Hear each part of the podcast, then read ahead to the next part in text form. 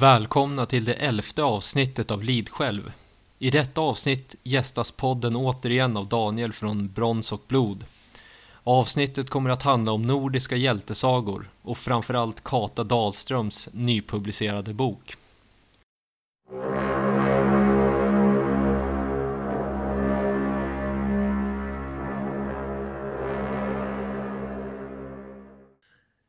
Hej hej Daniel och återigen välkommen till podden.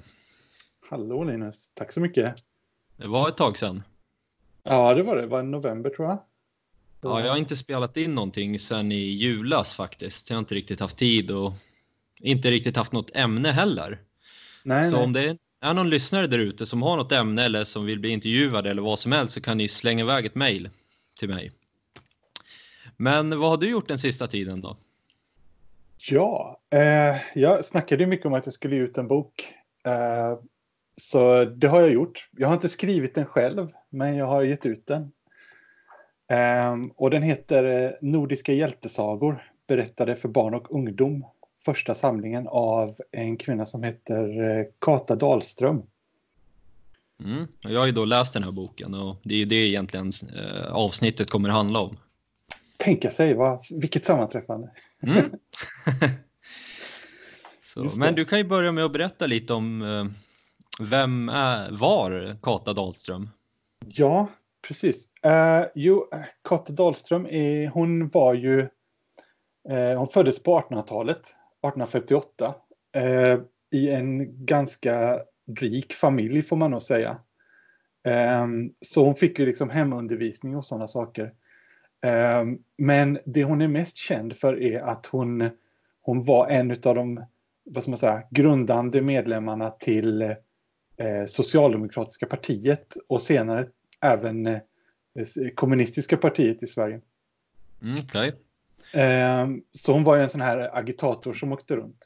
Men det som är intressant är ju det att hon var ju väldigt intresserad av eh, grekisk mytologi och nordisk mytologi. Ehm, Så eh, det kanske idag kanske inte det riktigt eh, hänger ihop med liksom den här eh, revolutionära idén från, från början på 1900-talet. va, Och, och hon var dessutom buddhist. Så redan även på den tiden så var det liksom lite en, hon var en liten udda fågel i, i rörelsen så att säga. Ja, inte för att bli för politisk, men man kan ju säga att arbetarrörelsen skiljer sig en, en del från dåtidens till nutidens i alla fall. Exakt. Men eh, Nej, det hon, hade väl mycket även, Förlåt. hon hade väl även sju barn som jag förstått det. Ja, precis. Och hur hon kunde liksom få ihop det med... Eh, det var inte så att hon kunde liksom bara dumpa de här barnen på sin man. Antagligen. Jag, jag tror att hon hade eh, att hon hade barnflicka. Det tror jag. För hon var som sagt, hon kom från en rik familj och hon gift- gifte Ja. sig med någon, eh, ja, någon som var också någon tjänsteman. Så, Sa du vart, vart ifrån hon kom? Eller missade jag? Eh, nej, nej, det sa jag hon, kom, hon var från Kalmar. Ja, just det, okej. Eh, men sen så tror jag, jo, vänta, jag tror hon föddes i Kalmar och sen så växte hon upp i Örebro. Mm. Hon Ja. har ju staty i Norrköping också. Ja, okej. Mm. Just det. Och den statyn såg jag innan jag egentligen riktigt visste vem det var. Så det var en liten slump faktiskt när jag kollade upp henne. Ja, precis. Nej, men det, var, det är ett namn som man känner igen. Liksom. Det är ju sånt som, Mm. som eh, hänvisas till emellanåt. Ja. Okej, och hon har då skrivit den här boken Nordiska hjältesagor, men hon har ju såklart, det är inte hon som har hittat på historierna. Nej, precis. Det är ju, det är ju, eh, det är ju gamla historier det här. De, de är ju sen, säkert sedan folkvandringstiden från början. Men sen så har Mm. de ju då skrivits ner av olika eh, författare och krönikörer eh, under vikingatiden och medeltiden. Och sen eh, eh, har de då förts framåt. Så en, eh, flera av de här sagorna finns ju med i eh, Saxo Grammaticus Mm. danska historia. Ja. Det är ju, alltså från början var det ju då muntlig tradition såklart.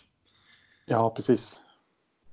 Men vi kan ju, det är lite konstigt att de här eh, sagorna ändå, det, de är från Norden, det är våra sagor, fast det är lite mer Danmark och, och det va, men eh, de är Ja. inte speciellt kända för gemene man i Sverige. Nej, precis. Alltså, jag vet inte, jag bara... jag tänker liksom, eh, min mamma hon hänvisade till olika namn som man känner igen här. Så jag tror att det kanske var mer del av skolundervisningen på 50 och 60-talet mm, än ja. vad det har varit när en annan gick på skolan i 80 och 90-talet och, och senare.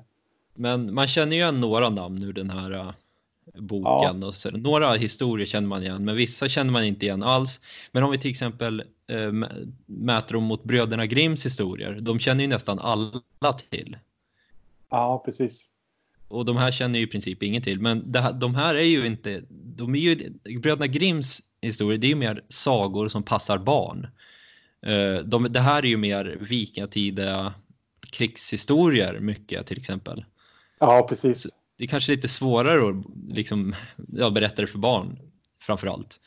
Fast ja, bröderna det... Grimms sagor egentligen är ju ganska hårda. Hans och Greta ställs ju ut i skogen för att de inte har råd att liksom ge dem mat. Och det är ganska, ja, de är lite blodiga de också, men det går ju såklart oh, ja. att förfina dem.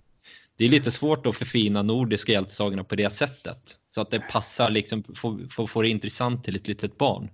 Nej, det är väl alltså det här med att hugga huvudet av någon och liksom besegra någon i, med svärd. Det är, det, är, det är en viktig del av berättelsen här. Mm. Kanske på, annat sätt, på ett annat sätt än vad det är i Bröderna Grimms historia. Men det har inte de var extremt blodiga, från början. Ja, precis. Men till exempel det skulle kunna göras betydligt mer moderna actionfilmer av de här sagorna. Det har väl gjorts en och annan tv-serie av de här ja, historierna. Jo, jo, absolut. Det, men det är ju nu. Det är ju liksom, eh, ja, den, eh, det är bara några år sedan om man säger så. Jag menar under ja, 80 och 90-talet och så där finns det i princip ingenting.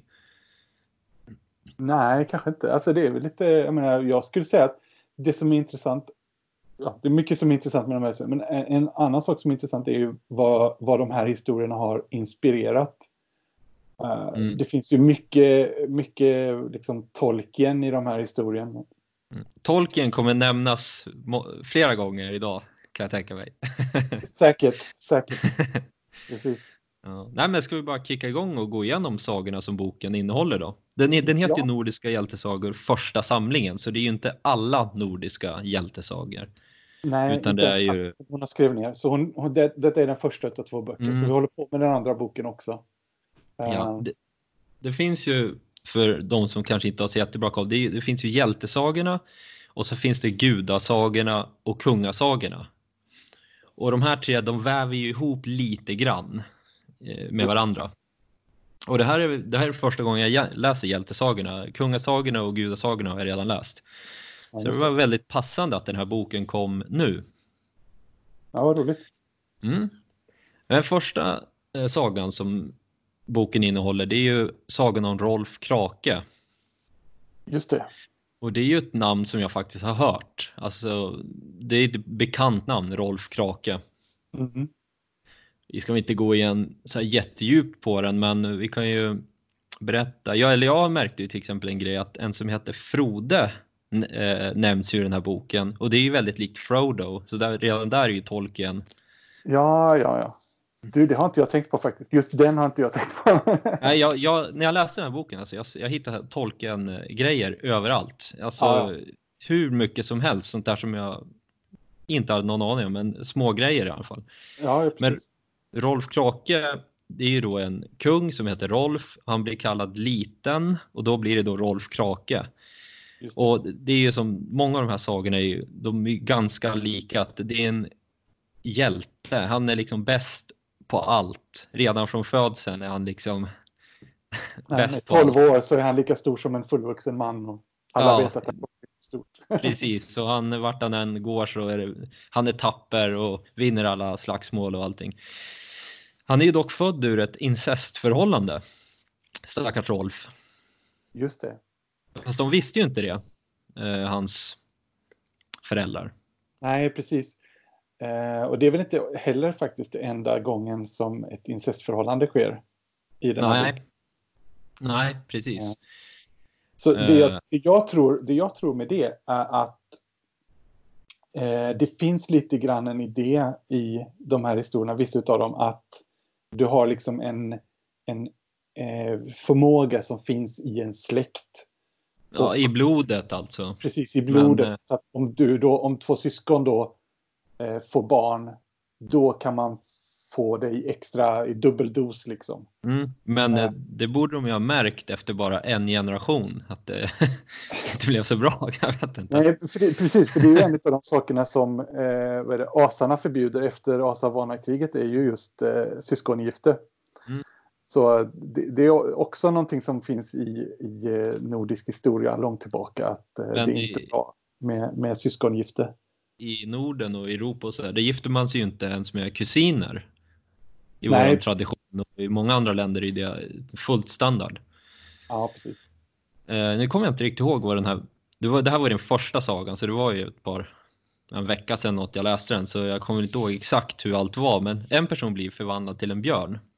Just Och det. han är en björn på dagen och han är en man på natten. Och det är ju en annan Tolkien-grej som är med i Hobbit. Just det. Men Just det. eh, jag kom att tänka på en sak när jag läste just det stycket att då, då säger hans tjej som han då har halvt kidnappat säger att han, hon så, kände igen den här personen när han var en människa när hon tittade i hans ögon. Just det. Och då fick jag, kom jag att tänka på en film som heter Task om du har sett den. Eh, nej. T-U-S-K. Eh, Det är en person som blir faktiskt kidnappad och så blir han omopererad till en valross. Det är en sån här konstig skräckfilm. Den har lite förstört mig lite grann för det är så här, vilken, ja, jag bara, det- jag bara kom att tänka på den här filmen, den är helt sjuk.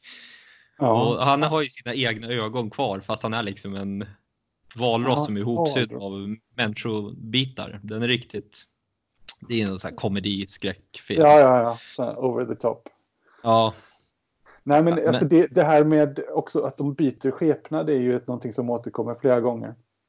ja, Och Mm. eh, att de bor i en eh, jordkula ja. i skog. mycket Och- jordkulor i den här Precis. boken. Och eh, alltså, det finns ju det här gamla, jag har skrivit om det på bloggen, eh, det här med eh, Männerbund eller. Eh, härjarskapet, alltså den här övergångsriten som fanns där man då dog från samhället. När man kom upp i en viss ålder, eh, typ tonåring, så dog man ifrån samhället och så levde man utanför samhället som en, som en varg i en kula. Mm. Och sedan eh, så, så återföddes man till samhället som, som man. Mm. Så, så det var en övergångsrit. Eh, och jag tycker det finns liksom intressanta spår av det i, den här i flera av de här berättelserna. Just det där att Ja. de, de måste liksom ut i skogen och så eh, Ja, de måste de som gö- göra sitt eget namn också. Alltså inte bara leva på gamla pappas meriter funkar ju inte heller i, Nej, vid den här precis. tiden. Precis. Så det är, jag, tror det, jag tror det är... Det här är gamla berättelser som har Mm. liksom berättats i flera, flera tusen år och som har liksom långsamt utvecklats då. Eh, I Rolf Krake-sagan så är det ju även ett krig där det är en förtrollad björn bland annat i en armé och i den andra, armén så är det en förtrollad galt. Och Ja, då just förlorar ju de ena och då säger de att Oden är emot oss. Så Ja, just det. det, det är en ganska underhållande eh, saga. Den, jag har läst just den, finns delvis, jag har en annan bok som heter Skånska sagor och då är den med, den krigsscenen där med björnen och galten. Aha. Så jag antar att det där utspelar sig i Skåne då, någonstans. Ja, just det. Ehm, det är väl intressant också det här med eh, björnen som kanske är mer associerad med bärsärkar och Mm. Oden. Och sedan galten som väl är associerad med... Eh, är inte det mer associerat med Frej? Jo, han har ju en galt. Jo, något i den där stilen är det. Men eh, Rolf Krake här nu då, det, det, det vet, ingen vet ju om det har varit en riktig person. Nej, Däremot precis. hans motståndare, Sveakungen Adils, han kan mycket väl ha varit en verklig person för att han finns omnämnd i flera olika källor. Eh, Bland annat Beowulf-kvädet och enligt Snorre är han höglagd i Gamla Uppsala. Det vet vi Just inte det. om det stämmer heller. Men... Så de är ju, om de inte är sanna historier från början så är de ga- garanterat inspirerade av sanna historier. Alltså inte de här magidelarna då, men personerna som sådana. Va? Ja, precis. Men ska vi gå vidare till nästa saga eller har du något mer Ja. om Ro- Rolf Krage? Äh, Krake? Nej, men vi kan väl gå vidare. Kan vi- Mm. Vermund och Uffe heter den. Just det. Och eh, bland annat i den här, vi snackade lite om blod i den tidigare, de dricker blod för att få kraft i den här. Just det. Ja, det är ett speciellt blod, du kan inte dricka vilken. Det det måste ju vara någon kraftfull persons blod som du dricker. Ja, precis. Och eh, i den här nu då, eh, Uffe, han slåss ju i den här för sin fars heder. Och mycket i den här boken handlar ju om att slåss för folks heder och sådär. Ja, jag tycker att eh, det är någonting bra eh, att slåss för. Idag, liksom, hedern har ju försvunnit helt från samhället. Folk låter i princip sina, alltså jag menar om någons dotter blir typ gruppvåldtagen, då låter man samhället på något sätt liksom ta hand om det där istället för att, jag vet inte, göra det Ja. själv. Eh, det kan jag tycka nästan man borde, eh, i alla fall i lite större utsträckning. Precis. Och Nej, men det är väl det. Vi, vi har ju liksom eh, överlåtit all konfliktlösning på eh, staten. Ja, Ja, nej men det, det, ju, det handlar ju liksom om den själva. egna hedern. Alltså, man, om, man ska bli, om man blir rånad då borde man ju göra lite mer motstånd. Och alltså, hela den biten har gått helt förlorad. Om du kollar Ja. på de gamla sagorna, det var heder var allt. Det var liksom, det, var, Ja, du, det var allt. Och det, det har ju gått långt i Europas historia att heder har varit någonting eftersträvsamt, att man ska vara hedersfull. Det var inte länge sedan vi höll fortfarande på med dueller i Sverige om någon kränkte heder. Nej, precis. Precis. Och det finns Och- ju, eh, och- det finns ju i Tyskland så var det, vad heter de här, eh, där de fäktades som studenter. Då var det ju en grej att man skulle liksom utmana någon och så skulle man fäktas och sen så skulle man då få ett ärr i ansiktet. Och det här Ja, ärret var ju då en stolthet som visar att jag kan minsann stå upp för min heder. Ja, nej men att, eh, helt korrekt. Eh, Alltså idag, då kan du ju liksom sitta och förolämpa någon över internet och du vet att det inte kommer hända någonting. Nej, Så att hade det varit ett heder, hederssamhälle där man fortfarande hade dueller, då hade ju folk inte förolämpat varandra och betett sig liksom Nej, illa. Så nej, vi ska återgå till det gamla i det här Ja, avseendet i alla fall. Och Precis. sen en annan sak som är kopplat till heder, det är det här med, med att svära en ed som man hade förr. Alltså svor du en ed, du bröt inte den eden för någonting. Det Nej. är också genomgående i den här boken att man ska svära ed. De bryter ju några gånger men då är det ju såna skamfulla, dåliga människor. Ja, just det. Nej, men Eh. det, för det, det var rätt så intressant. Jag har funderat på det här med, du vet, varför, säg att du liksom blir ovän med någon och så, eh, typ, du, du blir, du tappar din heder i något sammanhang, du bryter Mm. en ed. Så, Ja. va, varför är det så illa? Kan du inte bara åka någon annanstans och så liksom ta ett nytt namn och, och börja om från början? Men det kunde man nog. Eller jag vet inte. Nej, alltså jag tror det var extremt svårt att göra det därför att så mycket av din eh, trygghet handlade ju om att du hade din släkts nätverk. Mm. Nätverket som utgjordes av din släkt. Det var, det var på det viset du kunde genomföra affärer, tjäna pengar, eh, jaga vad det nu är för, vad för någonting, få mark. Allt det Mm. gick genom släkten och familjen. Så att om du, om du inte kunde använda dig av ditt släktnamn så var du i stort sett död. Ja, men ed, det är ju så mycket. Alltså, vi hade till och med edens gud, det är ju ull. Han är ju edens gud. Vi hade edsringar. Eh, var en edsbrytare, alltså dina barn fick lida för det om du bröt en ed. Mm. Jag tänkte läsa en grej här angående eh, dueller. Det här är ett lagfragment från Hednalagen från Västergötland. Jag vet inte om du har hört den här? Nej, jag tror inte det. Ja, den är lite så här eh, kryptiskt skriven så den blir lite hackig att läsa men jag ska försöka i alla fall. Ger någon okvädningsord till annan. Du är ej mans like och inte man i bröstet. Och då svara. Jag är man som du, så skall det mötas vid tre vägars möte. Kommer han som talat och han som fått utstå talet inte kommer, så må han hållas efter vad han kallades. Han är han är inte edgångs sill. Han är inte en, edgångsgill eller det. trovärdig som vittne. Så att där försvinner hans ord bara där. Varken det gäller mans eller kvinnas sak. Kommer han som föråtlämpats, men inte den som talat, då må han ropa niding tre gånger och göra ett märke i marken. Eftersom det är värre, eftersom det är värre det som han sade, men inte vågade stå för. Men nu möts de båda i full beväpning. Faller han som fått motstå skymfen, så gäldas detta med halv mansbot. Faller han som talat, glåpord är värst, tungan blir huvudets bane Mhm, och ligger ogill i jorden. Just det. Så löd lagen för. Jaha, Ja, precis. Så det var, Nej, det, var, det, var, det var- det var dödsstraff på, på, på att kalla någon för okvädningsord. det var ju det var ju ett hederssamhälle förr på vikingatiden. Man fick ju inte, du skulle ju sätta dig på din plats. Kom du in på, en, på ett gästabud, då kunde inte du sätta dig på bästa platsen. Det kanske var någon annan som skulle sitta där. Så du vart ju i princip hänvisad eller kanske de visste väl lite vad som gällde. Så man ska ju absolut inte liksom utmana folk. Men det är ju lite så, man kunde ju också utmana folk. Till exempel om jag blev kär i någons fru, då skulle jag i princip kunna utmana den mannen. Och eh, ja.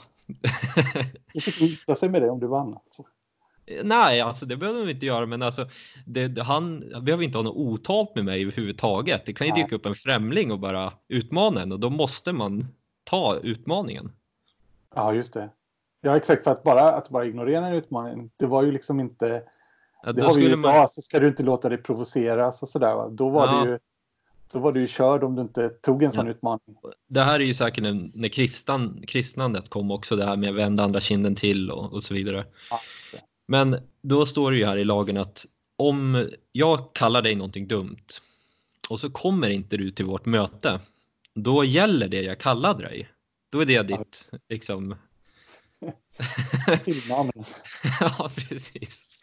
Ah, ja, ska vi gå vidare till saga nummer tre här nu då? Just Eh, det. Signe och Hagbard. Ja, det är en vä- väldigt kort saga. Precis. Jag har inte så mycket att säga där egentligen. Den handlar om det kärlek. en, exakt en kärlekshistoria. Och Ja. med ett sånt här, eh, eh, vad heter det, eh, slut som är lite tragiskt sådär. Att, eh, Är det verkligen tragiskt? ja, men är inte det? Hon tror att eh, han har dött, men Ja, det var ett tag sedan jag läste detta. Ja, men var det inte så att båda dog? Just det. Han avrättades och Just då det. tog hon självmord. Ja, just det. Precis. Ja, exakt. Då brände Han- hon sig inne med sina tjänare eller hur det nu var med det där. Så det är ju, det är ju inte ett, alltså tänk på att de här människorna, var, efterlivet var ju en självklarhet. det är riktigt. Så ja, men det handlar ju också om att inte svika sitt eh, löfte. Nej, precis. För hon lovade att om du dör, då dör jag, ska jag också dö. Just det. Det är lite som, jag kommer inte ihåg vad det fenomenet heter, men eh, det är ett gammalt indiskt fenomen, det här med enkebränning. Just det. Eh, Man, bränn, man bränner ju kropparna där och sen då brände man förr i tiden även änkan. Ja, För att de visste ju att de, man kommer till samma ställe. Så det var ju, för oss kanske det kan ses lite liksom, jag vet inte. Ja, men för dem är, var det en självklarhet. Så det är ju liksom bara. Men det är inte samma i Na- Nanna och Balder också? Eh, att, nej, hon, då När- dör ju hon. ja, precis. Hon dör. Men jag, jag, jag, exakt, men jag tänker mig att i en äldre version av den historien så, så gick hon på bålet själv. Det här, Alltså- eh, ja, men det här indiska fenomenet, det finns ett ord för det, men jag kommer faktiskt inte ihåg vad det där heter. Men det, det, det är ganska nyligen det slutade, eller, alltså när, kolon, när de koloniserade Indien, då ville de ju få bort det här för att det ansågs väl liksom lite så här äh, barbariskt eller lågkulturellt eller så här. Men det var ju alltså kvinnor som offrade sig, alltså de sprang in och la sig i elden fast de försökte hålla bort dem. Ja, just det. Det Så finns ju med dem- i den här 80 dagar, jorden runt på 80 dagar så finns ju det Ja, med. precis. Men då är det ju lite från vårt perspektiv, för då räddar Ja, ja. ju han henne Precis. från det där, fast i verkligheten hade hon kanske, kanske inte velat bli räddad. Jag vet Precis. inte. Men mm. Ja. Vad är han heter, den där uh, huvudrollskaraktären där? Passepartout är tjänaren.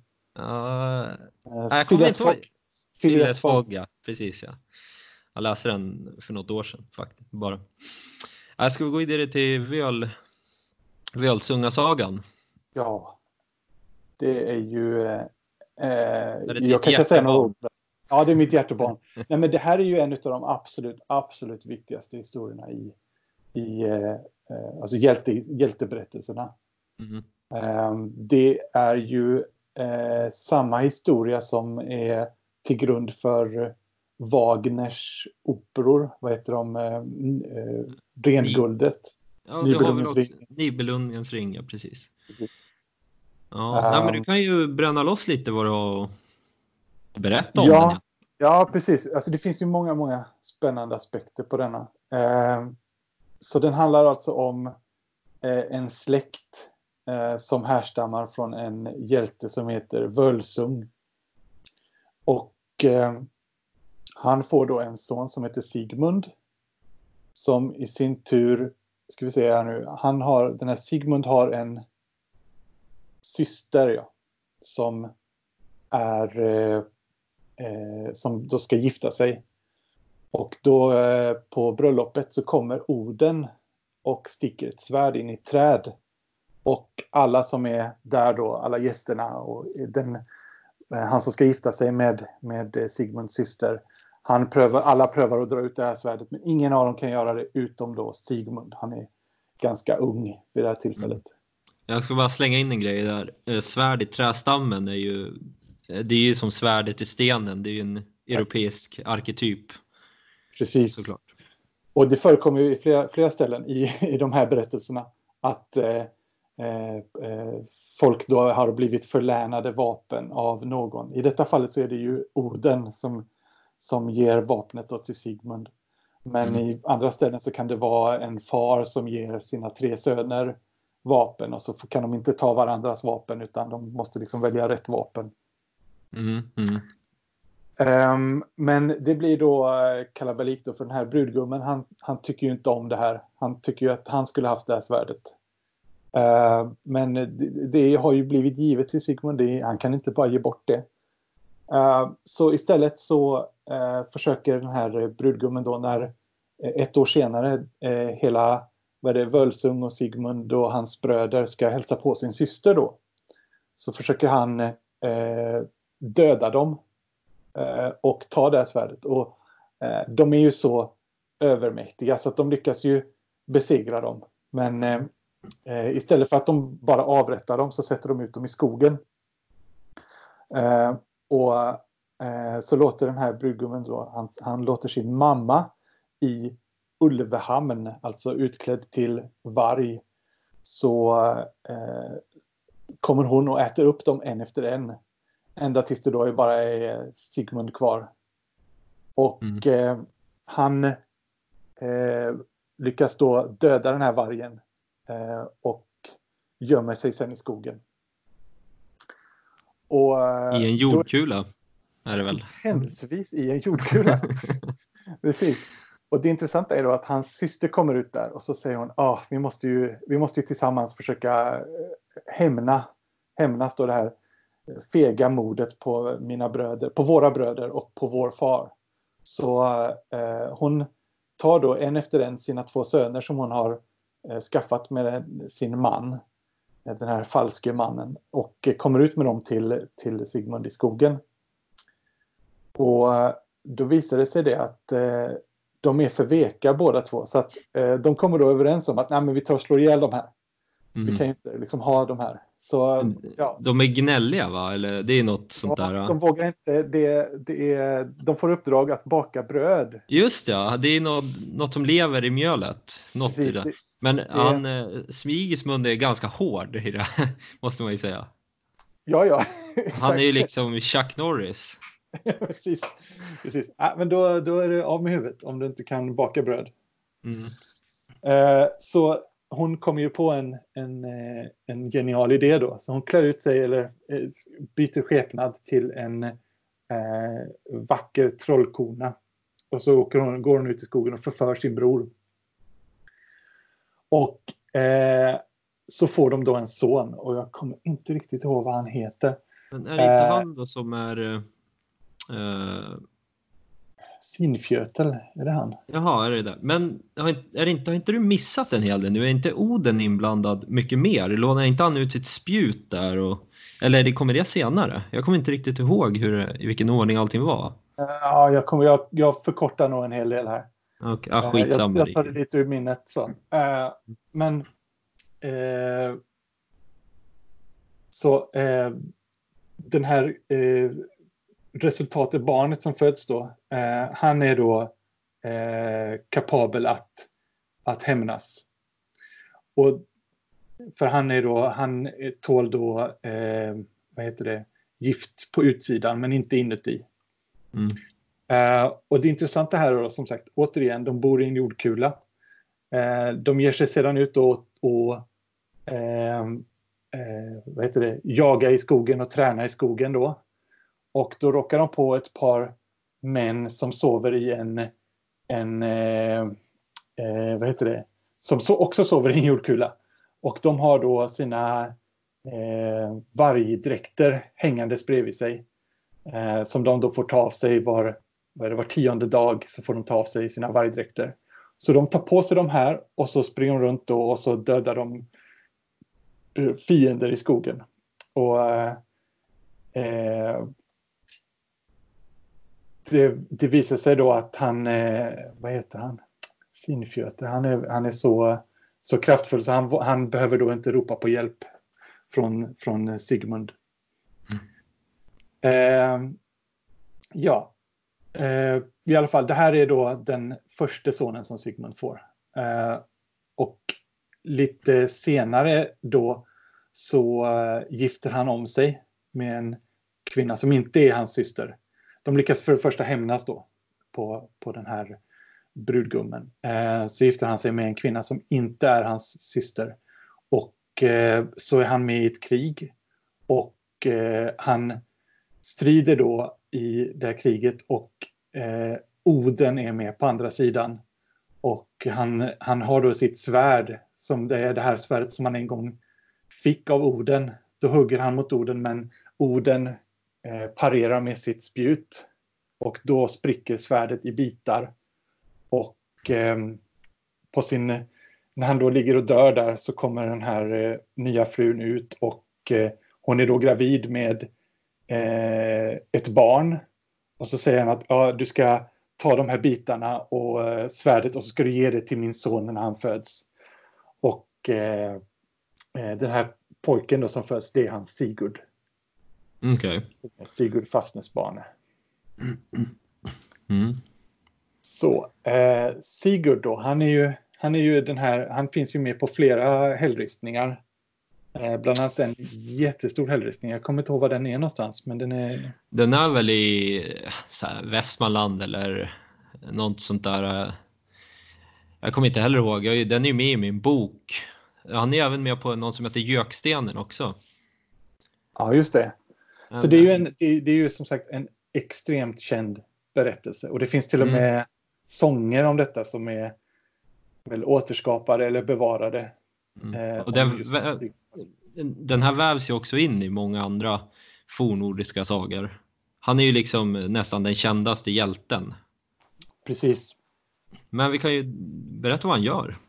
Han ja. heter ju egentligen bara Sigurd när han ja, föds. Ja, från början heter han bara Sigurd. Mm. Och eh, eh, hur är det? Han uppfostras då utav eh, en man som heter Regin som är en smed Eh, och den här eh, Regin, han har då två bröder. Den ena bröden, brodern, han heter Utter.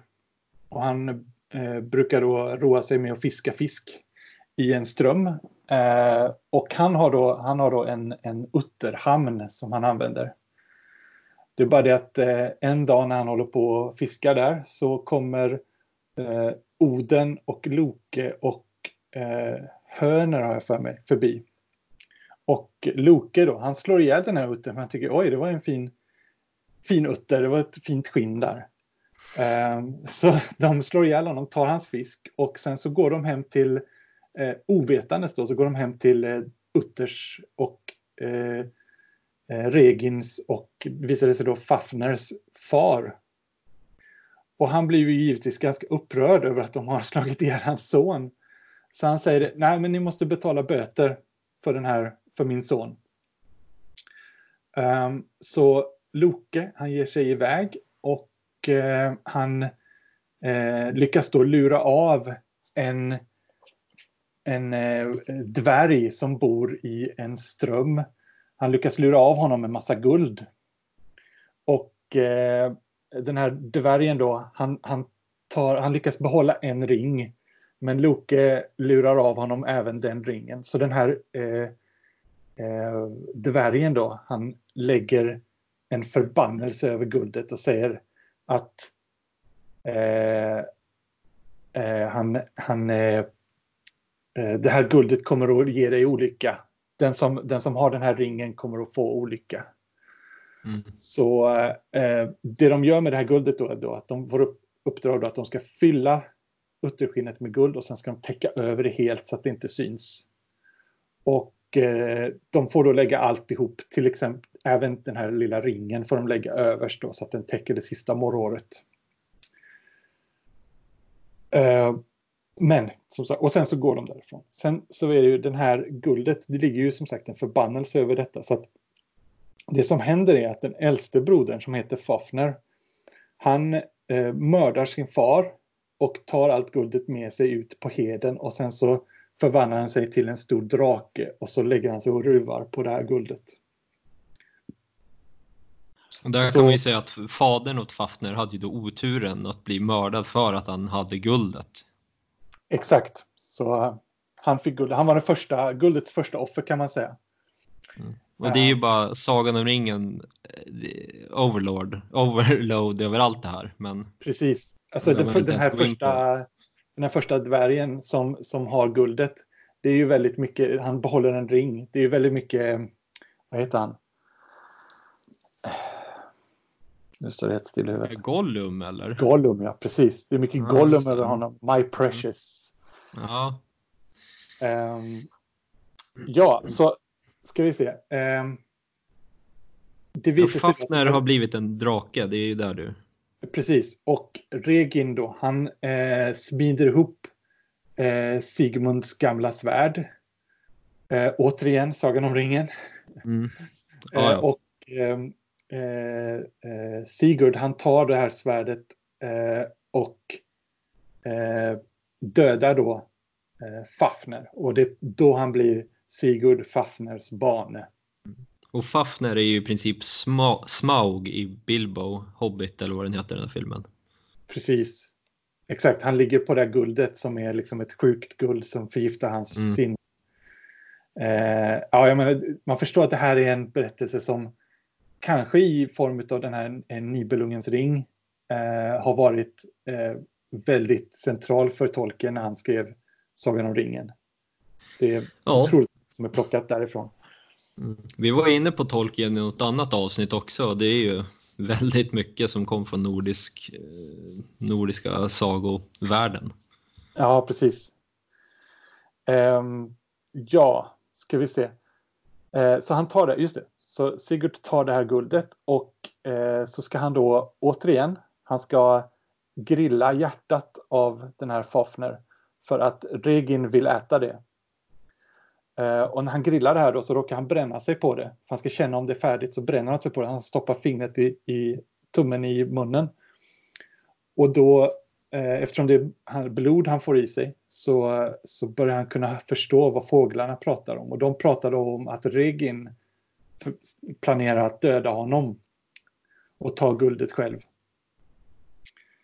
Så uh, Sigurd han dödar då Regin och packar då guldet på hästen Grane och så åker de ifrån heden. Och hästen är ju utvald av Oden. Just det. Ja, det intressanta är det är faktiskt eh, det är Regin som hjälper eh, Sigurd att välja ut Grane. Eh, och här tror jag att det har gått lite kortslutning i berättelsen i, vid något läge. Därför att. Regin är ofta ett namn på Oden. Okej.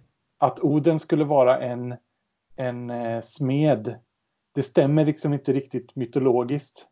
Det är mer någonting som är, vad heter han, Völund. Eh, Mm. Men det, det kan ju ha lagts till med tiden och så blir det inte riktigt rätt. Precis.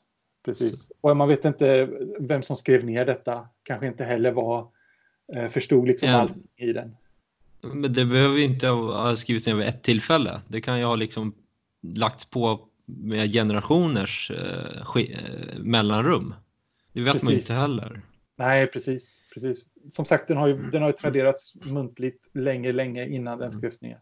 Det är ju väldigt svårt att egentligen gå igenom den som vi gör nu. Den ska ju läsas. Den är ganska rörig och mycket namn och Ja, precis. sådär. Det är ju generellt för alla de här berättelserna att de, det är mycket twists and turns och, och eh, mycket namn. mm. Det är inte riktigt som i svenska sagorna, nästan. Alltså jag har ju sträckläst den här boken i princip och det, då blir det ju extremt mycket namn och grejer att hålla reda på. De flyter ju egentligen nästan ihop de här sagorna. Men eh, jag har ett tillägg där på, eller är du färdig med din? Ja, alltså, Genomgång. berättelsen fortsätter ju, men vi kanske inte behöver gå igenom den i sån detalj. Nej. Men det han gör är att han bränner tummen, får blodet från Fafner eh, på tummen, stoppar tummen i munnen och helt plötsligt kan han fåglarnas språk. Jag tänkte läsa en eh, irländsk sägen. Att poeten Finn Ekes, eller Finnegas, han spenderade sju år att fiska för en lax. Jag läser på engelska och översätter det därför det blir lite så här. Efter lång tid så, fin, eh, så fick han den här laxen.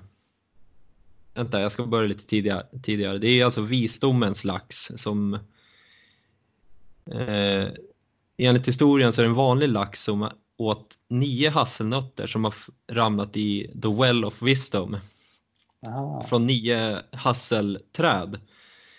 Och när den gjorde det, då blev den här uh, Salmon of Knowledge, alltså visdomens lax. Men jag ska berätta historien att Finn Ekas, eller Finnegas, han fångar den här laxen.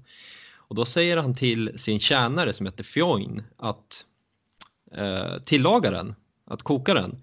Men han får absolut inte äta något av den. För Foyn, Foyn vet ju ingenting vad det är för fisk. Så kokar han laxen och så när han håller på och vänder den och har sig, då bränner han sin tumme på den. Och när han bränner tummen, då stoppar han tummen i munnen. Och precis då, då, då får han all visdom i världen. Och historien fortsätter då, men eh, det var väl det väsentliga. Så det är ju Ja. också en i princip identisk historia. Precis. Så det är väl kanske någon så här ureuropeisk historia. Ja, Att- för det intressanta är att den här eh, Fafner, det förekommer liksom i berättelsen att han går ner till vattnet och tillbaka med jämna mellanrum. Så det är så som Sigurd lyckas eh, döda honom genom att han gömmer sig i en grop som den här Fafner går över. Så Mm.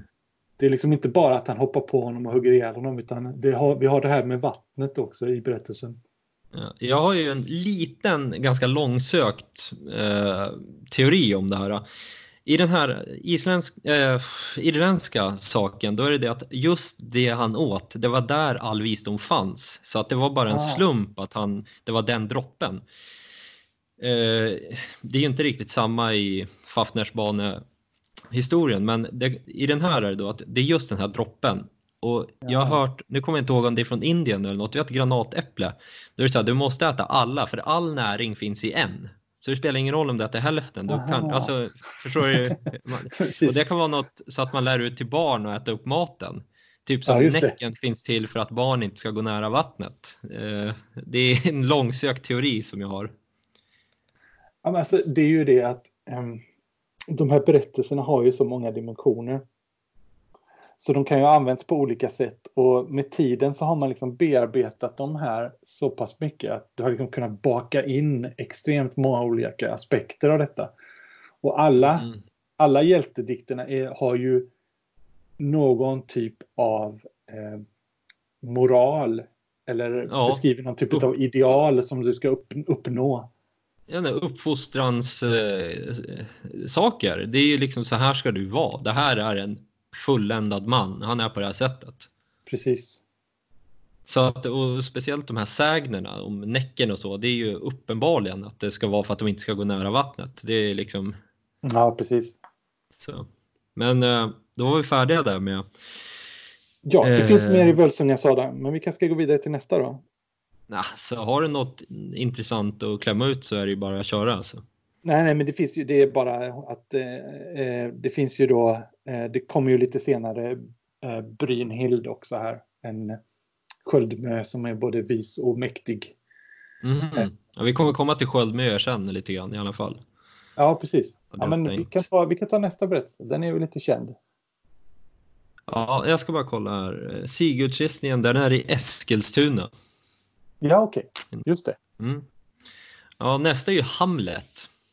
just det. Som jag inte visste var en nordisk hjältesaga.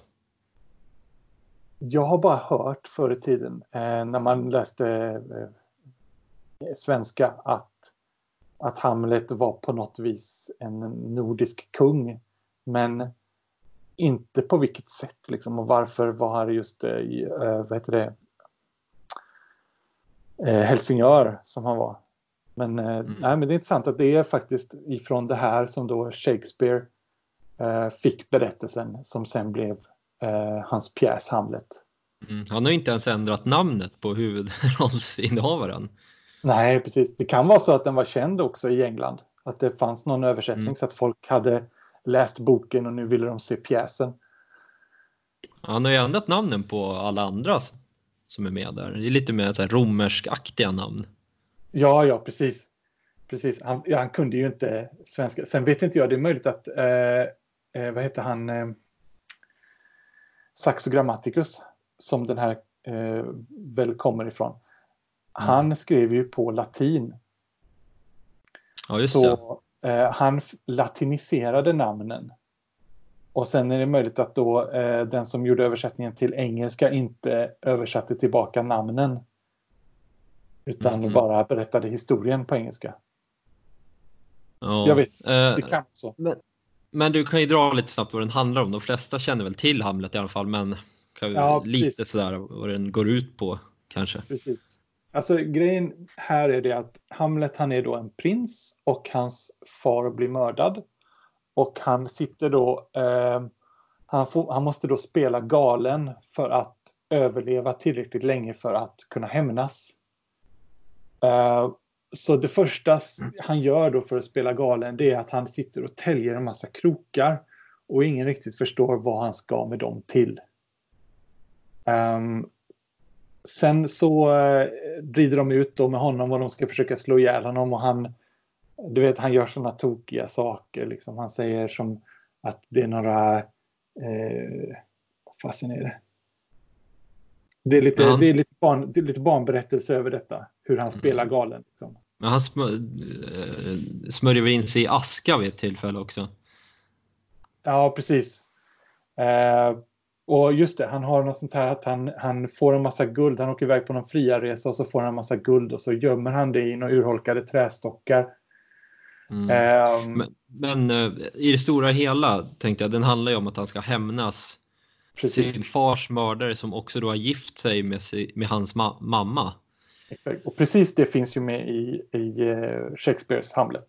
Mm. Det Men- går ju nästan att ifrågasätta mamman, moderns moral. i Den här. ja, han var väl kanske snygg. Jag vet inte. Ja, måste ju vara det.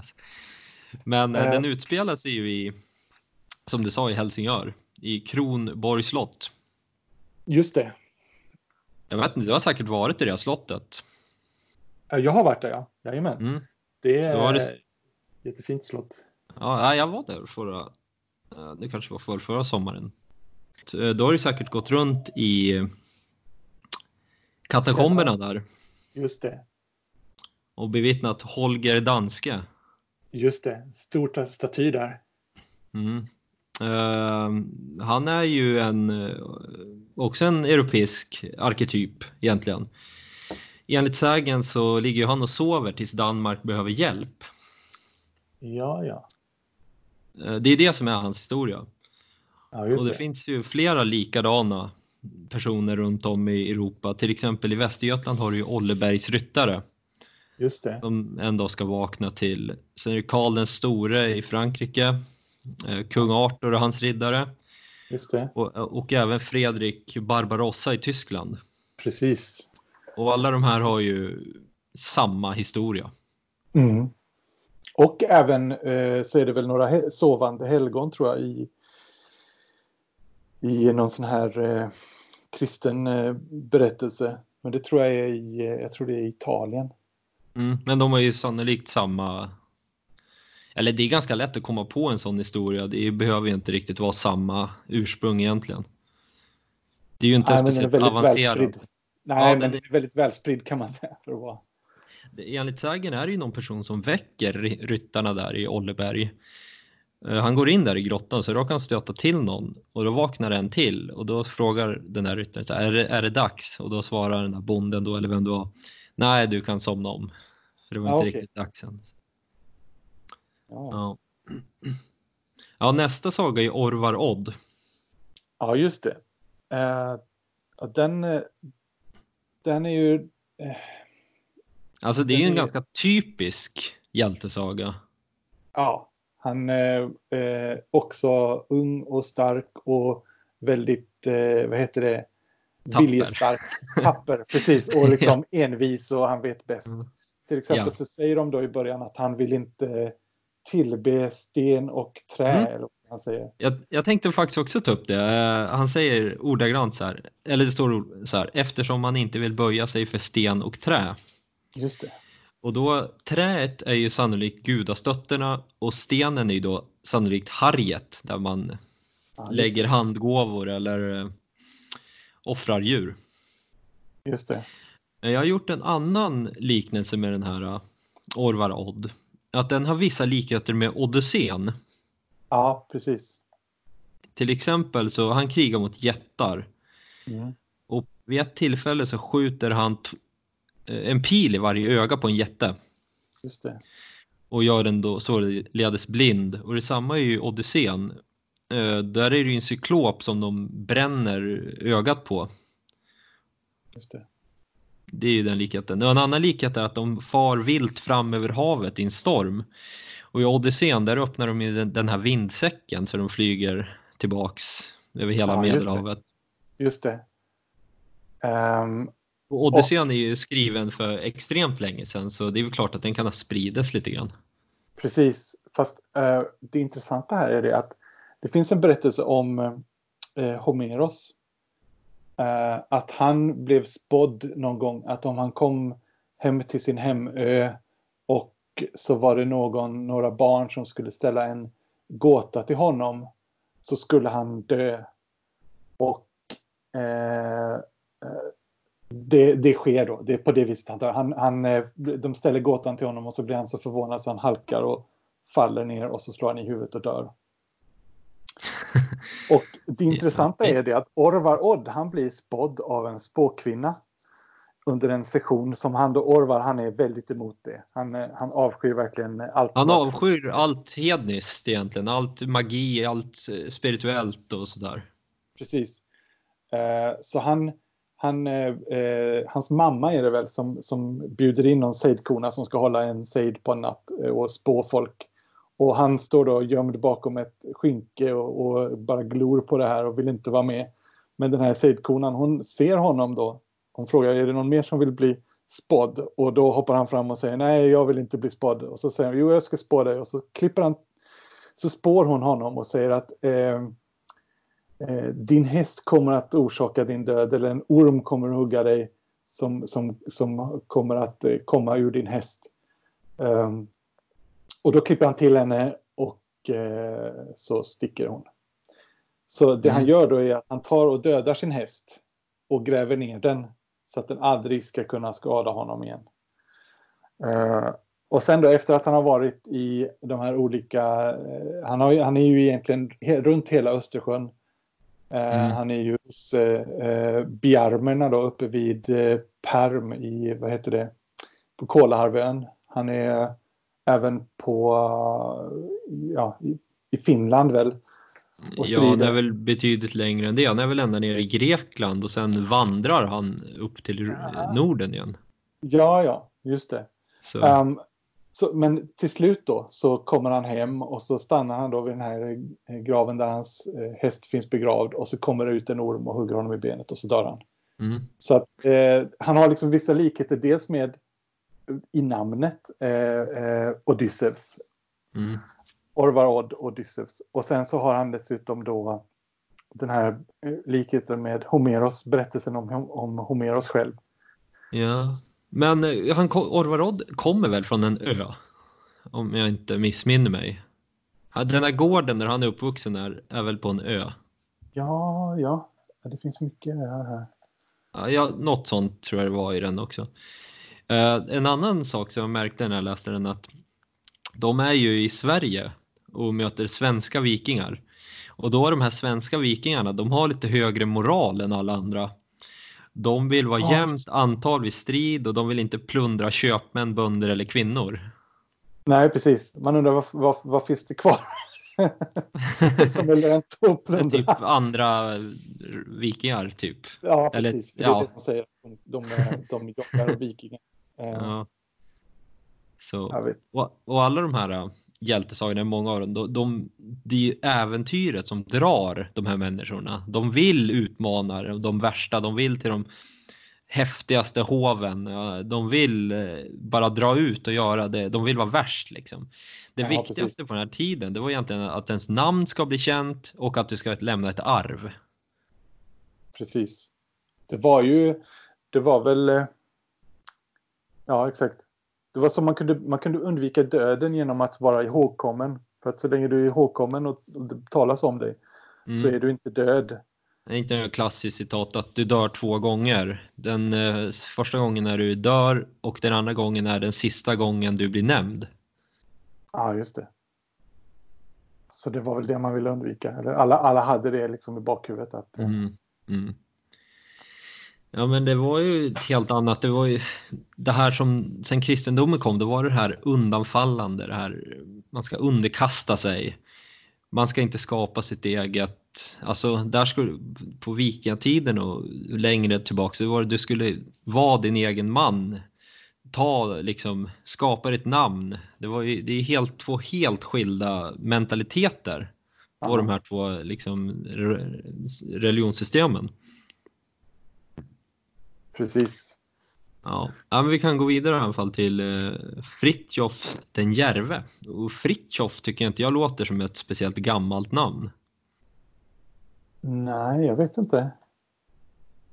Ja, det är mycket i den här som jag tycker Alltså det måste vara lite senare tillagt. Till exempel i någon saga så spelar de schack och jag vet inte när schacket kom, i alla fall inte när det kom till Norden. Det måste ha varit ganska sent kan jag tänka mig. Ja, men säger man inte att schack just eh, var uppfunnet i Kina? Ja, det kan jag inte svara på tyvärr. Men eh, de hade ju andra spel, det här uh, Haffentaffel. Ja, precis. precis. Det vet man inte om de bara har liksom ett brädspel vilket som helst. Så schack är det mest kända, mm. så då säger vi det. Mm.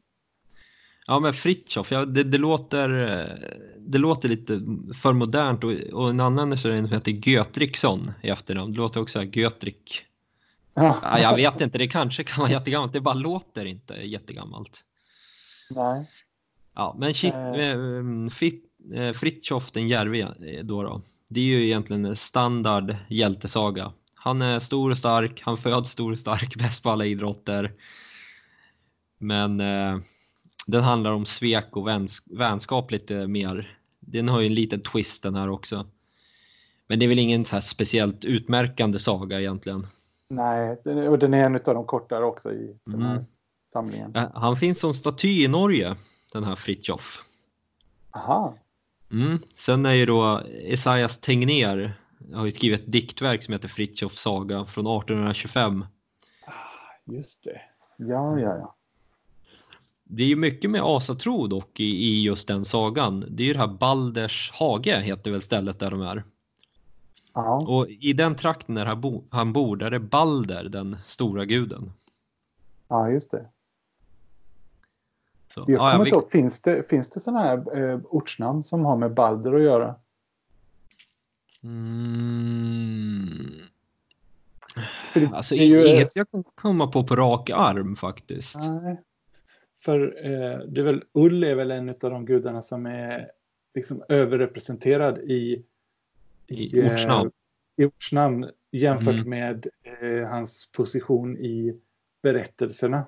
Ja, tanken, eller teorin kring det är att Ulv var väldigt, han var väldigt utbredd lite tidigare innan asatron blev det som vi känner den idag. Innan Ja. Eddan och så vidare.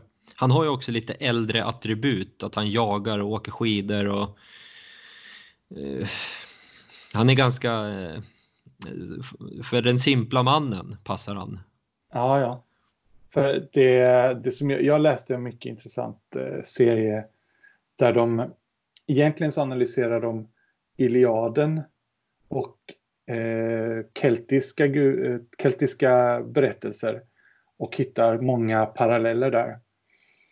Och, Till Ull eh, då, eller vadå? Ja, bland annat Ull. Eh, han är ju då... Eh, fasen är det?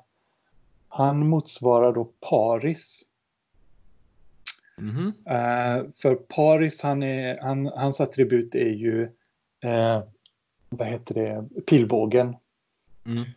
Och han har ju... Eh, eh, vad heter det? Han är ganska ettrig i sitt... I, vad heter det? Han, han, kan, han har skarp tunga. Och eh, om man läser... Eh, eh, vad heter han? Eh, eh, den här germansk mytologi utav Viktor Rydberg. Så, eh, så syr ju han, han lyckas ju liksom ur eh, bland annat då Saxo Grammaticus liksom locka fram berättelsen om Asa-Vana-kriget. Där då till exempel Ull är den som tar över när Oden blir jagad från Valhall. Så blir han tillfälligt eh, kung. Därför att han utav vanorna är den som är mest krigisk. Mm. Och eh, eh, så det finns liksom det här, det här eh, och han skulle då vara en solgud. Mhm. Han, eh, han eh, är då, han har en sköld som antagligen är den här, vad är den heter, Svalin. Som skyddar jorden från solens direkta strålning. Jaha, okej. Alltså han är ganska bred. Han är ju jaktens, skidåkningens, lekens, edens och han är ju... Han har Ja, ju redan precis. mycket. Så att, Precis, och, han, och eh, vad heter det, man ska åkalla honom när man ska eh, gå i envig va? Eller i duell. ja, precis. Han är ju, just det, det är han också. Och jag har faktiskt eh, åkallat han vid tillfälle. När jag var på jakt. Och eh, eh, jag tänkte en tanke att han är ändå jaktens gud. För jag hade stå- stått i ett jakttorn i typ sju timmar. Ja, Och så tänkte jag att ull, jaktens gud och så sådär. Då dök det upp ett stort vildsvin precis då. Som jag lyckades knäppa. grattis. Mm, tack. Faktiskt, jag har faktiskt också gjort samma när jag suttit i ett jakttorn. Men jag hade ingen, jag hade ingen eh, lycka just den gången. Däremot så har jag haft bra lycka efteråt. Däremot Njord har aldrig svarat mig vid fisket. Nej, okej. Ja, nej, men det är lika bra att försöka alltså. Ja, visst. Ehm, Uh, nej, men ska vi gå vidare till uh, Starkader? ja, Saga Ja. nummer åtta. Jag vill alltid säga Starkander för att det är, jag vet inte, Starkader. Starkander, lägger det är den grekiska motsvarigheten. Okej, ja, Starkader Nej. lägger sig inte rätt, riktigt rätt tungan alltså. Nej, det är, jag tror att starkader, starkodder Mhm. eh, eh, eller starkad är olika varianter på samma namn. Så Okej. man kan väl välja starkad kanske. Ja, mycket det- förr i tiden var ju så här Starkader, alltså du vet. Ja, precis. Eh, uller, alltså det var ju lite så de snackade på den tiden. Som på isländskan, i- den är ju lite, bara ett litet R på slutet av typ alla ord. Ja, precis. Det är väl, eh, vad fan det nu heter. Är inte det typ den neutrala formen, neutrala böjningsformen? Eh, det är något grammatiskt som är det här. R på slutet som vi har tappat i svenskan. Så vi, vi har inte det längre. Nej, men eh, jag vet inte om du har varit på, i, på Island. Nej, Men alltså allt typ slutar på R. Så du går Ja, på ja, ja. restaurangen, eh, matur och drycker och så här. knipor, tungor, ja, precis. Kniv Ja, och rauror tungor. Ja. Eh, ja, Ja, i alla eh, fall den här st- Starkader, där kan ju du köra lite. Du har ju Ja. publicerat lite om han. Just det. Uh, när Starkade, han är ju, eh, vad ska man kalla det för? Han är prototypen kan man säga på ett sätt på en bärsärk. Eh, för hans farfar, han var då, han gifte sig med en eh, eh, jättekvinna. Och eh, så eh, Starkades far, han hade då, jag vet inte om det var fyra armar. Eller om Ja, det var det- Starkade själv som hade Nej, fyra han- det var han, han själv. Eller, fyra eller sex armar hade han. Ja, precis. Och eh, Tor då, som inte tycker om eh, jättar, han kommer och sliter av honom alla utom två armar så att han då får samma form som en vanlig människa. Men är inte det här lite som i skapelseberättelsen att asarna skapar symmetri? Ja, ja.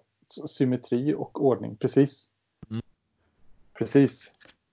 Eh, nej, för att det, det finns en intressant eh, berättelse där om eh, att eh, Oden och Tor strider om Starkaders öde. Jag tänkte jag tar och läser lite. Ja, men gör det. Eh, det handlar ju då om att Oden och Tor, eh, de ska ju bestämma jag det helt enkelt. Och Tor gillar ju han, men det gör ju inte, eh, jag menar Oden gillar ju han, men inte Tor. Så de ska ju, de tjafsar ju lite om det hela. Tor tog då till orda. Hans farmoder föredrog en jätte framför Asator. Han skall därför aldrig få varken son eller dotter, utan vara den siste av sin ett. Odin svarade. Han skall leva i tränne människoåldrar. Men i var människoålder utöva ett nidningsdåd, tillade Tor.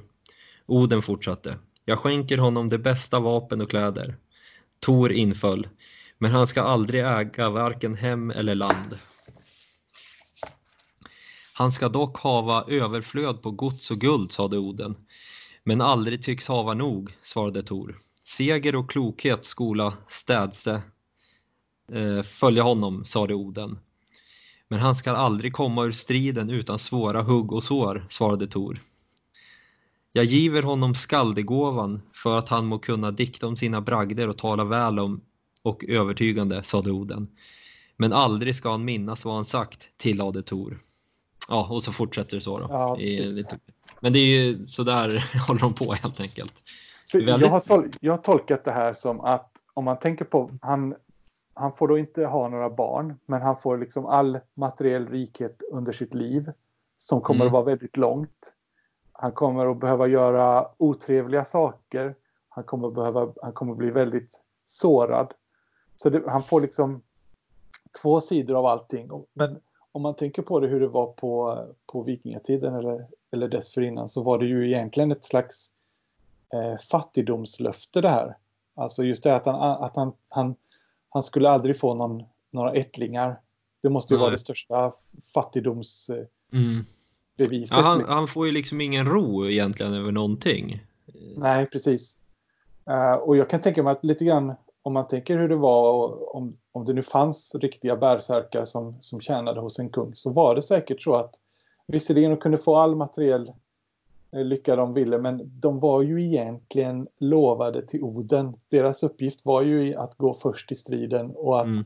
alltid riskera allting så antagligen skulle de ju inte kunna slå sig ner i sin ålderdom. Liksom. Det var inte det som var meningen med deras liv. Nej, precis. Nej, nej, men det är ju som du säger ett fattigdomslöfte. Eh, han finns även avbildad i Olaus Magnus verk Historia om de nordiska folken. Den här. Där, där har han flera armar va? Nej, jag tror han har två armar och så håller han i två så här runstavar. Ja, ja, just det. Mm. Eh, Eh. vad var det mer jag skulle säga? Jag, jag läste ju det här eh, stycket om han. Och det, när man kommer här, ändå åttonde kapitlet i boken, då är det så många såna här, de är bäst på allt och liksom, man vill mm. bara att alla de här ska möta varandra och göra upp i, i princip.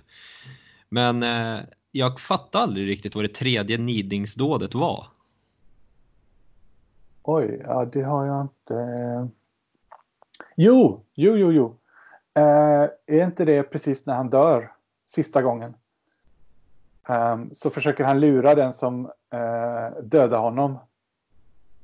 Eh, att gå mellan huvudet och kroppen när den faller.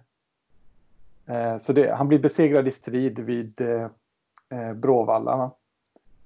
Och eh, då den som dödar honom då, han, han lovar honom att om du, om du går om du hugger av mitt huvud och sen så försöker du snabbt springa mellan huvudet och kroppen när den faller så, så kommer du då bli, bli väldigt stark eller rik eller vad det nu är.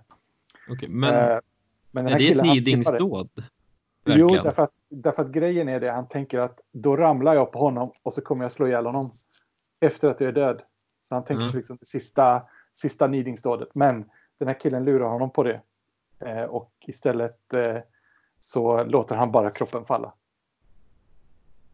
Men det är väl inget riktigt nidingsdåd? Det står åtminstone i, i texten här att det är eh, att han visar sig falsk eh, även i döden. Så... Eh, ja, men är det, inte, är det inte nidingsdådet helt enkelt att han ljög? Ja, ja. Att han försökte ljuga kanske? Eller något ja, men de, de, de, andra två nidingsdågen var ju mycket mer tydliga. Ja, precis. Det första är någon eh, kung som han offrar va, genom att lura honom. Ja, det är hans kompis igen, ja, väl, eller något i den stilen. Exakt, det är precis. Hans, hans ungdoms barndomskamrat. Mm. Som han eh, lurar honom genom att han binder honom med några videor. Eh, och säger att ja, men vi, ska bara vi ska låtsas offra dig för att få fint väder. Och sen så eh, visar det sig att han faktiskt sticker ihjäl honom och hänger honom samtidigt. Mm. Offrar därigenom till Oden. Ja. Ja, det är en, det är en bra saga det där faktiskt. Väldigt så underhållande. Och lite djup. Ja, precis. Nästa kapitel är ju Bråvalla slag. Just det. Eh, det är väl ett ganska kort kapitel, va? Har jag för mig. Eh, ja, precis. Det är ju bara han Harald Hildetand som eh, han, han, blir jättegammal. Han är 150 år gammal och så säger han jag ska jag kommer snart att dö men jag vill inte dö hemma i sängen utan vi får, vi får ta ha ett krig. Vad säger du om det? Mm. Vi, vi tar och gör ett krig så kan, vi, så kan jag dö där. Han bara styr upp det liksom ut ja. av ingenting. Det är, det är det största slaget i fornordisk tradition. Precis. Men problemet med det här slaget är att det finns ju inga bevis för att det har ägt rum. Nej. Man vet san... vad det är beskrivet att det sker någonstans men inte man ja, inte något bevis alls av det. Det finns två teorier. Eh, och det enda egentligen man går på det är väl namnet. För att eh, Bråviken i Östergötland, det är ju där de flesta tror att det har skett. Men det är även i Bråvalla hed i Småland. Ja, just det. Men det finns eh. inga bevis. Det, det, finns ingenting som egentligen styrker det här slaget. Nej, precis. Inga, inga arkeologiska lämningar. Nej, de kan eh. inte riktigt eh, sätta fingret på vilka det är som ska ha slagits överhuvudtaget. Nej, jag vet inte om han Sigurd Ring, om han är, är eh, liksom belagd. ja, det vet jag faktiskt inte heller. Han är ju far till eh, nästa hjälte. Men... Mm. men jag tänkte när vi är här Bråvalla slag, så de har, har ju med sköldmör i det här eh, kriget. Just det. Vi har en sköld med, flera sköldmör. Stämmer det? Ja, precis. Eller Exakt. vi möar? Vi... Eller? Nej, sköldmör. Eh, mm. Vi fick slå upp det. Ja. ja. Saken med den är att jag tänkte bara att vi ska bara snacka lite om sköldmör. Alla vet ju, eller de flesta vet ju vad det är, det är kvinnliga eh, krigare. Just det. Och, och, det är ganska diskutera, omdiskuterat ifall de har ens funnits i verkligheten överhuvudtaget. Så jag tänkte höra, vad tror du? Ja, alltså jag skrev ett inlägg om det där. Jag försökte liksom mm. ta reda på, okej, okay, eh, under vilka omständigheter? Här, man kan ju bara spekulera, det är ju ingen som ja, vet. Exakt. Det, liksom. Nej, precis. Alltså det har funnits, man har hittat gravar där kvinnor har blivit eh, begravda då med eh, rustningar och vapen. Eh, men huruvida de kvinnorna har, alltså, jag tror inte de skeletten i sig har burit spår efter strid, liksom att de skulle haft eh, läkta sår på, på benen. För det, Mm. det är nästan omöjligt att gå igenom ett, ett slag där du då hugger in på varandra med svärd utan att du liksom får någon typ av skärsår eller hugg någon gång. Mm. Eh, så det som, för det, det som, grejen är ju det att eh, män är ju mycket starkare än kvinnor. Mm. Så är det bara. Man kan, man kan säga vad man vill men, men det är liksom ett medicinskt faktum. Mm. Det är väl skiljer sig lite i aggressivitet och sådana saker också. Ja, precis. Det har väl med testosteronnivåer och sånt att göra. Mm. Eh, så man tänker, va, va, varför skulle man ha med kvinnor i strid? Alltså, jag ser det lite så här att eh, jag tror att, alltså rent biologiskt så, så skulle det vara svårt att ha sköldmör eller ha i alla fall framgångsrika sköldmör. Men kulturellt så eventuellt skulle det kunna finnas för att liksom den nordiska kvinnan har ju alltid varit väldigt eh, högt stående. Ja, precis. Så Självständiga, har haft, haft ja. rätt att säga vem de vill sen- gifta sig med. Så. Så att det ska, kvinnor ska vara i fält, eh, till exempel när man reste i England och härjade i England, då hade de ju med sig en massa kvinnor. Eh, de hade ju med sig en tross, det var inte bara liksom soldater som reste dit. Nej, precis. Och om de här då blir attackerade, då tar väl i princip alla upp vapen. Jag vet inte, det är ju jättesvårt att säga, men det är osannolikt att de skulle vara framgångsrika. Eller det är ju helt osannolikt. Ja, Och, men att det, all, att det kan ju absolut ha hänt att det, att det har funnits kvinnliga krigare. ja, ja. Nej, men det Alltså- finns ju berättelser om, om amazonerna som Ja. levde på, på steppen som, som var då fruktade av grekerna. Men om det är någonstans i världen där det ska, har funnits, vad ska man säga, tros ha funnits kvinnliga krigare så är det ju i alla fall i Norden. Så Ja. tror jag. Ja, precis. Det finns ju den här intressanta berättelsen också om hur langobarderna fick sitt namn. Okej. Langobarderna var ju en, en folkstam som invaderade Rom. Och det är de som har då gett upphov till namnet Lombardiet. Där det Mm, nu är så mycket coronavirus. ja. De tog Eh. även över eh, någon, eh, det är någon ö där som de, ah, Ja, Okej. strunt i det. Ja. Det är Ja, Korsika eller något, eh, något sånt där har de erövrat där någon gång. Ja, ja. För det, det som är intressant med dem, deras, deras eh, skapelseberättelse är att ehm, eh, Oden lovar, de hamnar i krig med något annat folk och så lovar Oden att den första eh, armén jag ser när jag vaknar imorgon, eh, den eh, kommer jag att ge vinsten till. Och eh, då har de så få människor, så, så lite folk, så att det, det kvinnorna gör är de har långt hår, så de tar det och så drar de det framför hakan och så knyter de det där. Mhm. Då vaknar Oden då och eh, ser då den här armén där, där de står då med det här jättelånga, som han ser ut, han tror då är skägg. Så han säger, Mm. vilka är, är långskäggiga? De ska ha segern. Eh, um, och det är på det viset de får namnet då. Okej, Så, intressant. Ja. Så det finns, det finns eh, mycket, det finns berättelser Mm. om detta. Men som sagt, jag försökte resonera mig fram till vad som skulle kunna vara rimligt i detta. Och som du säger, säkert om, om, en, om trossen blev anfallen, definitivt att alla som kan Mm. ta upp vapen. För det finns Ja. ju... Eh, jag- Det var något jag skulle lägga till här. Men alltså det fanns ju könsroller såklart på vikingatiden. Det är egentligen bara de senaste när det blir så här hypermodernt senaste 50 åren där det här har egentligen upplöst. Men till exempel, det ser, det ser ju aldrig en manlig spågubbe. Nej, precis. Det är ju Oden kan ju lite sejd och spåkonst men det anses ju då kvinnligt även för han. Ja, precis. Så man hade ju sina roller. Exakt. Men de hade ju kvinnliga blotförrättare. Ja, vet du det? Um, Gydjor eller? Precis. Just det. Så att de hade, det fanns många hö, höga positioner i samhället som Oh ja. kvinnor hade helt enkelt. Precis. Och där, Sen- om, man, om man läser de här historierna också så är det ju mycket drottningar som är Mm. eh, Väldigt vikt- självständiga. Och, precis självständiga. Och ibland så går de liksom i krig mot sina män mm. för att hämnas sin far till exempel. Sen eh, var det ju så att om mannen åkte iväg på någon form av härad eller långfärd eller något, då var det kvinnan som skötte om hela gården. Ja, precis. Hon som hade De hade- nycklarna till gården. Ja, det sägs det. De hade nycklarna. De skötte även om alkoholproduktionen. Ja. Det blir Ja. kanske mer kvar. Ja, ja, ja kanske det. Ja, ja, vi går vidare. Eh, det där med sköldmör-diskussionen får helt enkelt fortsätta på något annat forum. Den, eh, den, alla, alla som är intresserade av nordisk historia så de stöter ju på den någon gång, den diskussionen. Men jag tänker vi pratar om eh, nästa kapitel, vilket är Ragnar Lodbrok och hans söner. Just det.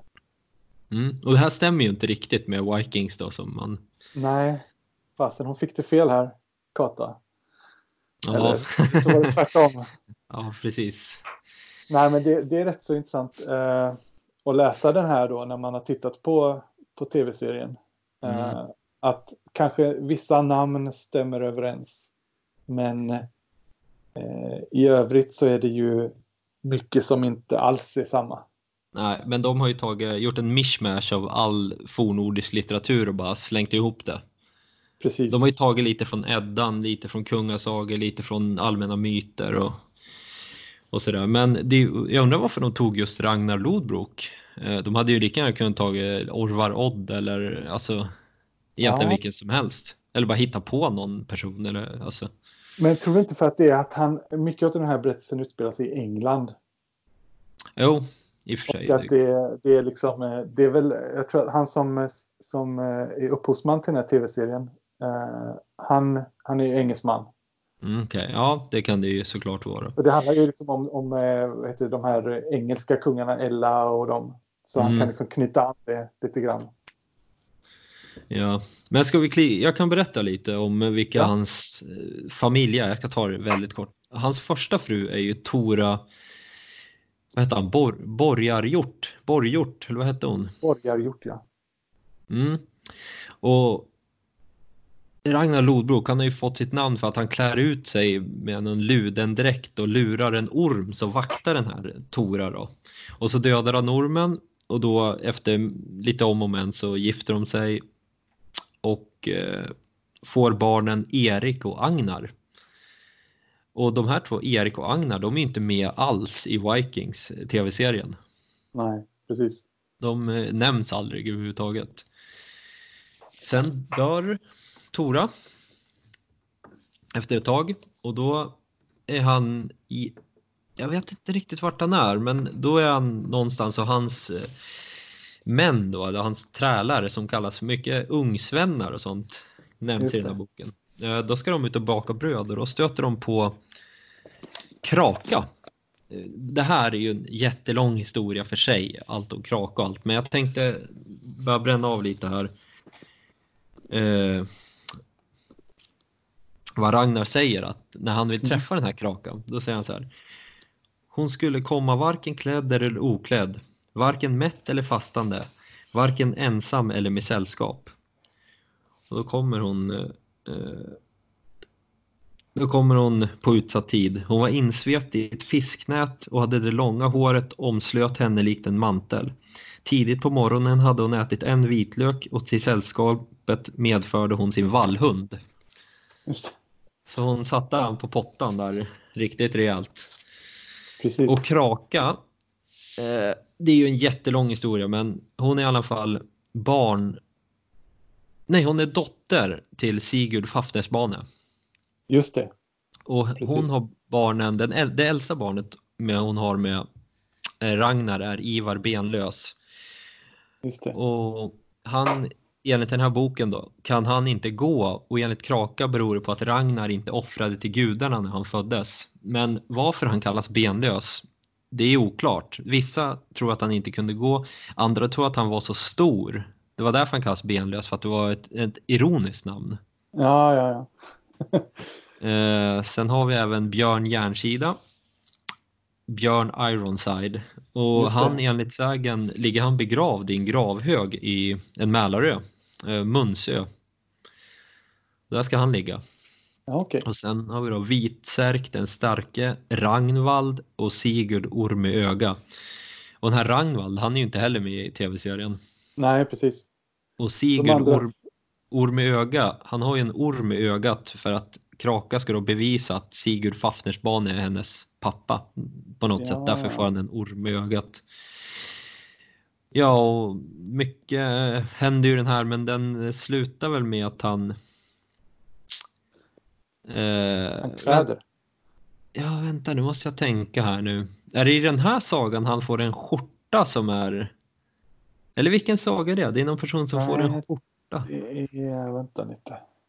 Är det Orvar Odd kanske? Ja, jag tror det. Precis på slutet får han en skjorta. Som inte, så länge han inte flyr så, ja det var ju en annan historia, De, jag har blandat ihop det lite här. Men han blir ner, eh, Ragnar blir i alla fall nerslängd i en ormgrop Precis. och dödad på så sätt. Då. Sen ska hans barn eh, hämnas han och det, det är en jättelång, eller inte jättelång, men det är en ganska lång historia. Ja, precis. Det är ju intressant. Det där eh, sången, han, det är ju en sak som alla gör i, genom alla berättelser, är att de kväder. Mm. Så precis när det är väldigt avgörande delar av berättelsen så blir de plötsligt då väldigt poetiska och, och eh, när eh, Ragnar Lodbrok då ligger i ormgropen och blir biten av, av ormarna så, så sjunger han då eh, ett kväde som heter Krakumal. Ehm, eh, som är ganska långt, som berättar om hur han eh, hur de då svingar sina svärd och, och får ära i, överallt. Mm. Det finns ju en rolig historia, jag tror att det är slaget vid Hastings. Är det då normanderna mot Ja, just det. Eh, Ja, då är det det slaget. Då är det ju någon person där som han stormar helt själv den andra armén och sjunger heroiska sånger samtidigt som han stormar in. Men enligt sägen då lyckas han döda två män, vilket jag ser ganska osannolikt. Men, så det är så man ska, ska man dö ska man sjunga heroiska sånger samtidigt. Det ska jag komma ihåg. Jag, ska, jag, får, jag får börja dikta någonting, mitt kväde. Ja, eller sjunga The show must go on. Jag vet. Just det. Ja. Ja, det är väl inte så mycket mer att säga om den här Ragnar Rodbok-sagan. Har man sett Vikings och tycker det är en bra serie kan man ju absolut läsa den sagan. Det, man får ju lite annan inblick i alla fall. Ja, precis. Mm. Nästa saga är den här Go- eh, Rolf Götriksson, eller Götriksson. Det är ju, den handlar ju egentligen om, den börjar med att Oden va? Nej, nej det är, det är en kung. Det är Rolf tror jag det är som kommer till det här huset ute i skogen. Och så äter han upp deras mat och då tar pappan i familjen självmord genom att offra sig själv till Oden från en ättestupa. Ja, just det. Mm. Och så offrar sig alla bröderna och allting efter mycket om och men. Och den här, det blir en dotter kvar och han, hon hette Torborg. Just det. Är det väl? Ah, jag kommer inte riktigt ihåg exakt men den här Torborg, hon är väldigt svårflörtad för den här Rolf vill gifta sig med henne. Men hon bedriver alltså krig mot han för att hon inte vill det. Just Och det. hon, och eh, hon är väldigt Ja, lurig och liksom falsk i, i sina, eh, vad heter det? Hon är strategisk i, i hur hon... Eh, Jo, men hon- undviker- Ja, men han är ju ganska envis den här Rolf. Han vill giftas med henne så han eh, krigar med henne mycket och länge. Till slut så vinner han över henne i krig och då kan de gifta sig. Just det. Så, men eh, det står då att de är lyckliga tillsammans. Så det blev väl bra till slut i alla fall, men det är ju en helt bizarr historia egentligen. Ja, men vad är det? Det bör- Det börjar med bråk och slutar med, vad är det man säger? Ja, precis. Kärlek, ja. Just det. Men Ja. är det inte något sånt att eh, just det, kungen vill också att den här Rolf ska gifta sig med henne så hon drar ut själv. Hon bygger upp en egen borg och, och allting sånt där. Precis. Det finns väl lite grann likheter också med, eh, vad heter hon, Brynhilde i, Ja, precis. i eh, Att hon måste också bli besegrad i strid för att Mm. gifta sig. Jag vet inte riktigt vad sensmoralen i den sagan är. Eh, Trugen vinner. Ja, kanske. Ja, Jag tycker det var, det var en väldigt konstig berättelse. Ja, Den var inte så jätteheroisk heller. Den, alltså, han vinner över en, henne och gifter sig med henne. det är intressant om man tänker då på vem som har ehm, skrivit detta. Alltså sammanställt det. Mm. Eh, som ju Kata Dahlström då som var eh, kvinnosakskvinna och kämpade för kvinnors rösträtt. Mm. Att hon har låtit de här berättelserna vara som de är. Hon har liksom inte satt sig över läsaren och försökt liksom peta in sina egna sensmoraler i det utan de är ganska ärligt och troget återgivna Mm. med bisarra detaljer som, men- som men till exempel-. Ja, precis. Men alltså den här historien med att hon liksom driver ett uppror, eh, vad heter det, uppror egentligen mot den här som gifte sig med henne. Det är ju nästan ett tecken på en stark kvinna kan man ju säga. Det är ju inte liksom att hon, Nej, hon nej, är absolut precis. inte under, alltså, vad heter det? Underdånig. Ja, precis. Eller submittable, vad säger man? Alltså Ja. Undergiven. undergiven alls. Hon liksom kör ju verkligen sitt race. Nej, precis. Men frågan är om vi säger om, om, om motsvarande eh, säg någon eh, feministisk författare, om hon hade satt sig ner och eller han hade satt sig ner och skulle skriva detta idag, tror inte du att de hade petat mer i berättelserna? Jo, men en sån här bok hade ju aldrig idag publicerats på ett större förlag. Det är Nej. liksom inte den tidsandan. Nej, precis. Och det är väl därför som, som jag tyckte det var bra att göra det. Mm, att mm. de här berättelserna kommer liksom fram och blir kända. Det är ju en del av vårt kulturarv ändå. Ja, absolut. Vi har ju en saga kvar att diskutera och det är ju Just det. Norna gäst, också en ganska kort saga.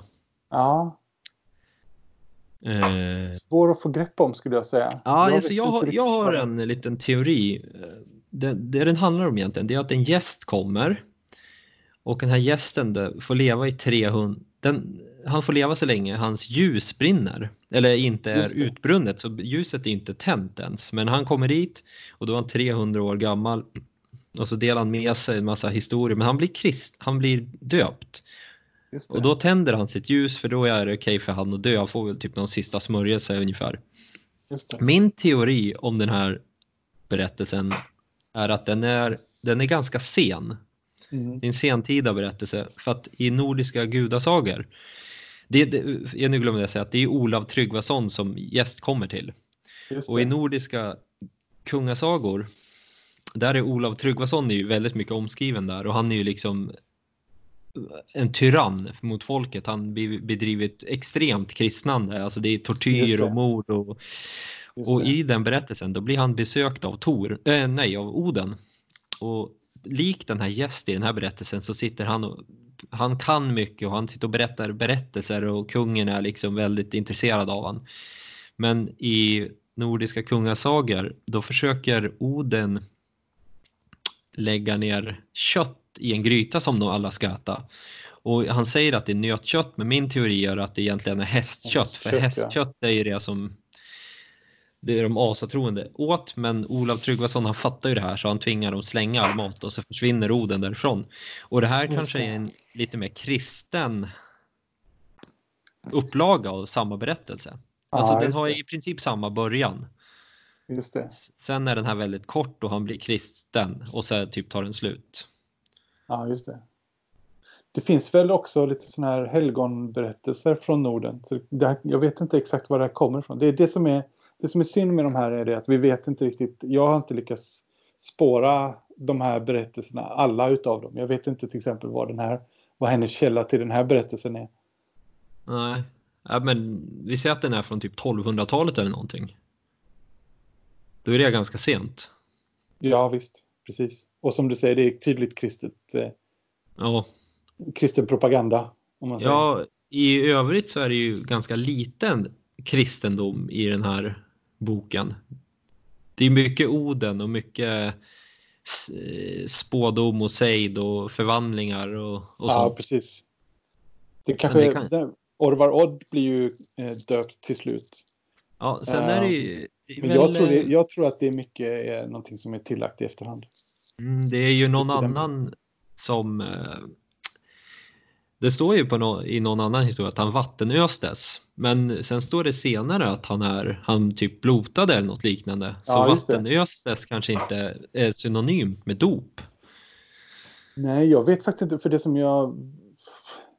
Du, du kanske vet mer om detta, men det som jag har hört var motsvarande i hednisk tid var ju knäsättning. Ja, det är det jag har förstått det också. Eh, och det inbegriper ju inte vatten. Nej. Men däremot så tvättar man ju gudabilderna Mm. rituellt. Så att eh, det kanske ja, var en hednisk eh, tradition ändå det. Ja, det är svårt att säga, men, eh, men den här, och också den här sista sagan här, jag tycker den skiljer sig lite i övrigt från de andra också. Den har en liten annan dimension. Det är ju ingen hjältesaga för, Nej, för det första. Den, det, det är ju bara typ en... Ja, Jag vet inte vad jag ska liksom Han placera kommer den som. kristen och dör. Det är det Ja, som är det är det enda som händer och så har de lagt in att han är 300 år. just det. Ja, så. Men eh, ja, jag må- måste ju uppmana alla våra läsare att köpa den här boken i alla fall. Just det. Tycker jag.